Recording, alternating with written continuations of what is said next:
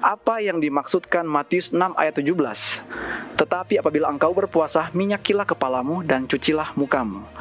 Mungkin kita bisa um, Matius 6 ayat yang ke-17 ayat yang ke-17, tetapi apabila engkau berpuasa, minyakilah kepalamu dan cucilah mukamu. Demikian pendeta pertanyaannya. Terima kasih. Shalom untuk Bapak Stanis di Sabah. Ya, makasih. Terima kasih untuk pertanyaannya. Uh, kalau kita perhatikan baik-baik ayat yang ke-17 yang tadi sudah dibacakan oleh Stephen, itu berakhir dengan tanda koma, artinya Ya. belum semua Belum selesai. kita baca. Jadi supaya lengkap, kita baca ayat yang ke-18 karena ayat 18 ini menerangkan ayat yang ke-17. Jadi saya akan baca, tetapi apabila engkau berpuasa, minyakilah kepalamu dan cucilah mukamu. Kenapa? Apa artinya? Supaya jangan dilihat oleh orang bahwa engkau sedang berpuasa, melainkan hanya oleh Bapamu yang ada di tempat tersembunyi, maka Bapamu yang melihat yang tersembunyi akan membalasnya kepadamu.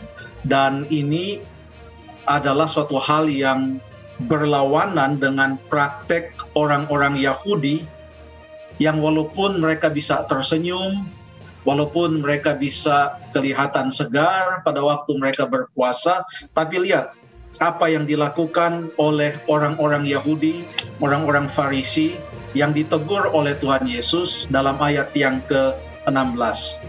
Dan apabila kamu berpuasa, janganlah muram mukamu seperti orang munafik. Mereka mengubah air mukanya supaya orang melihat bahwa mereka sedang berpuasa.